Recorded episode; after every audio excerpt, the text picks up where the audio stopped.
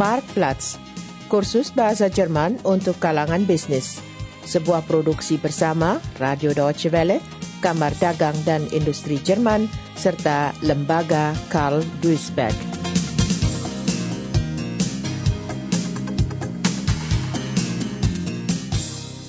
Episode 6 Hotel Usaha Bidang Jasa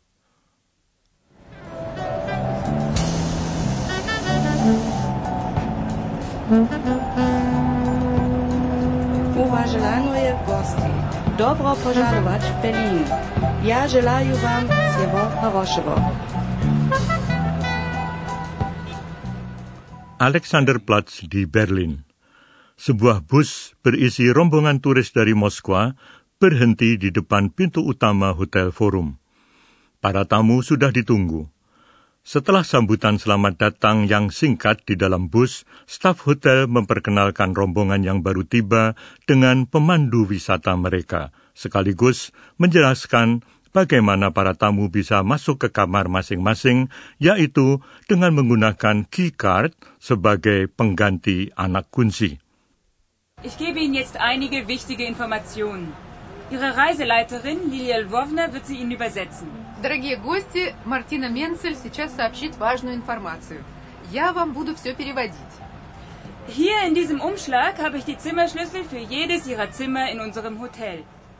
Diesen Schlüssel behalten Sie bis Membahas detail-detail organisatoris seperti itu pada waktu rombongan masih berada di atas bus membantu mencegah terjadinya kerumunan orang di meja resepsionis. Meja resepsionis selanjutnya hanya menangani pertanyaan individual senantiasa berdasarkan semboyan, kami selalu siap melayani Anda. Pengetahuan ini berguna bagi para tamu maupun bagi para pegawai hotel. Und bitte, verlieren Sie diese Keycard nicht. Ich habe hier eine Liste mit den Zimmernummern für jeden. Lilia Lvovna wird Ihnen die Zimmernummern sagen und jedem die Keycard geben. Wenn Sie Fragen oder Probleme haben, wir sind immer für Sie da. Es gibt noch einige Fragen, Martina. Wo treffe ich Sie? Ich bin nachher an der Rezeption. Gut, danke. Di masa Republik Demokrat Jerman, Hotel Forum bernama Stadt Berlin, namun sehari-hari sering disebut Hotel Rusia. Tamu-tamunya terutama wisatawan dari Uni Soviet. Setelah penyatuan Jerman, hotel raksasa dengan 1.600 tempat tidur itu bergabung dengan jaringan hotel internasional Intercontinental. Bangunannya direnovasi secara menyeluruh dan semua perabotan diganti baru. Kini, Forum termasuk hotel paling modern di Berlin. Sesuai tradisi, hotel ini banyak melayani tamu dari Rusia dan dari negara-negara lain di Eropa Timur. Banyak di antara ke-220 karyawan menguasai bahasa Rusia dan mengetahui keinginan para wisatawan dari Rusia dan Eropa Timur dan masalah-masalah yang biasa muncul. Manajemen Hotel Forum berusaha keras menjaring wisatawan dari negara-negara Eropa Timur. Pihak manajemen mengikuti berbagai pameran dan bekerja sama dengan biro perjalanan yang khusus melayani Eropa Timur. Berikut komentar manajer penjualan Martina Menzel. Wir sind als Forum-Hotel äh, in Berlin sehr interessiert, auch Reisegruppen aus osteuropäischen Ländern in unser Hotel zunehmend einzuquartieren. Wir werben äh, um diese Gruppe folgendermaßen, dass wir uns auf Messen, die innerhalb Deutschlands stattfinden oder auch außerhalb äh, Deutschlands stattfinden, als Forum-Hotel präsentieren, äh, dass wir auch Reiseunternehmen in osteuropäischen Ländern, aber auch Reiseunternehmen in Deutschland, die ausschließlich mit osteuropäischen Ländern arbeiten, dass wir mit diesen Unternehmen sehr stark zusammenarbeiten, uns dort als Forum Hotel sehr gut dokumentieren, äh, darüber sprechen, äh, wer wir sind, woher wir kommen und welche äh, Möglichkeiten wir den Gästen, also Touristen aus osteuropäischen Ländern, anbieten können. Kemampuan berimprovisasi sangat penting bagi karyawan hotel yang bekerja berdasarkan semboyan kami selalu siap melayani Anda. Pemandu merangkap penerjemah rombongan wisatawan dari Moskwa mendapat kejutan hari ini. Martina, Ja? hier ist ein Problem. Wir sollten eigentlich nur 20 Leute sein. Jetzt sind wir aber 24. Es sind zwei Ehepaare mehr. Oh, wie kommt das? Diese beiden Ehepaare haben ihre Visa erst vor wenigen Tagen bekommen. Im Bus hatte ich Platz genug. Und sie hatten auch das Geld. Also habe ich sie mitgenommen, aber vergessen, es hier bei Ihnen zu sagen. Naja, zwei Doppelzimmer mehr, das ist bestimmt kein Problem. Kommen Sie, wir gehen zum Schalter. Anggota rombongan ternyata bukan 20, melainkan 24 orang. Dua pasang suami istri baru belakangan memperoleh visa. Untuk mereka belum ada pemesanan tempat. Apa boleh buat?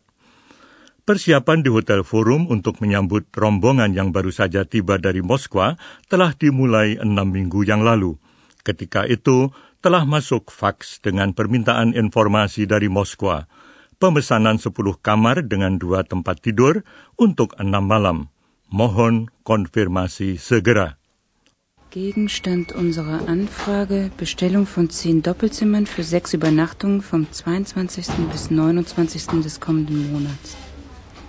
Zusätzlich zwei Einzelzimmer für die Reiseleiterin, sprich Deutsch und den Busfahrer. Anreise der Gruppe mit dem Bus am 22. Bitten um sofortige Bestätigung. Preis bis maximal 50 Mark pro Person. Hm. Das wird ein Problem. Maksimal 50 mark per kepala per malam. Tarif itu sangat murah untuk hotel bintang 3 di pusat kota Berlin. Tetapi pengusaha hotel harus melihat ke masa depan dan sejak dini memperkenalkan diri dengan cara yang baik kepada para wisatawan Rusia. Maka tak ada salahnya berpikiran jauh ke depan dan sejak sekarang memberi perhatian khusus kepada para wisatawan dari Rusia. Dengan demikian, orang Rusia akan tahu di hotel mana di Berlin mereka disambut paling hangat. Industri pariwisata baru mulai tumbuh di Rusia lambat laun pariwisata massal pun akan berkembang. Pada saat itulah akan diraih keuntungan sebenarnya. Pengelola Hotel Forum yakin bahwa suatu hari kualitas hidup orang Rusia akan meningkat dan bahwa mereka akan menghabiskan liburan di Jerman. Karena itulah sikap manajemen saat ini sangat akomodatif mengenai harga terhadap para penyelenggara wisata Rusia. Manager penjualan Martina Menzel menjelaskan. Die Angebote beginnen ja bekanntlicherweise immer beim Preis, das ist eine der wichtigsten Fragen, dass wir besonders für die Touristen aus osteuropäischen Ländern einen besonderen Preis geben können, äh, da wir wissen, dass der Preis, der gegenwärtig bei uns im Hotel für touristische Gruppen angelegt wird, noch für osteuropäische Länder zu teuer ist. Wir kommen also da den Touristen sehr entgegen. Sebuah permintaan informasi datang dari Moskwa. Pengirimnya menginginkan harga ekstra rendah sehingga jawaban perlu dikonsultasikan lebih dahulu dengan atasan. Para wisatawan akan tiba pada akhir bulan depan. Menampung mereka tidak menjadi masalah sebab pada waktu itu tidak ada pameran maupun konferensi besar di kota itu. Sebagian besar kamar tidak akan terisi dan karena itu dapat ditawarkan dengan harga 50 Mark. Herr Menzel hier. Guten Morgen, Herr Richter. Ich habe hier eine Anfrage aus Moskau. 20 Personen, Doppelzimmer für sechs Nächte, Ende nächsten Monats. Wir können Sie problemlos unterbringen. Das ist eine Woche ohne große Tagungen oder Messen. Aber die Agentur will maximal 50 Mark pro Person zahlen.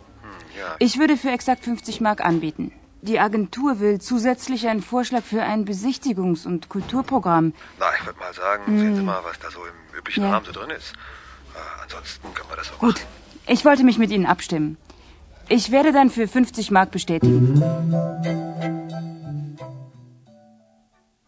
Penawaran final dikirimkan kepada pihak mitra di Moskwa, disertai permintaan untuk mengirimkan daftar nama para peserta dan peringatan untuk secepatnya mengurus visa mereka. Pihak hotel juga melampirkan usulan program Dharma Wisata yang tentu saja belum termasuk dalam harga penawaran kamar. So, Silvia, jetzt schreiben wir noch. Mit der Bestätigung unseres Angebotes erbitten wir die Übersendung der Namensliste Ihrer Reisegruppe. Punkt. Bitte benennen Sie die Namen so, dass wir eine Einteilung der Doppelzimmer vorbereiten können. Punkt. Bitte tragen Sie Sorge dafür, dass alle Teilnehmer Ihrer Gruppe rechtzeitig Visa erhalten können. Punkt. Unsere Vorschläge für das Besichtigungs- und Kulturprogramm erhalten Sie in den nächsten Tagen.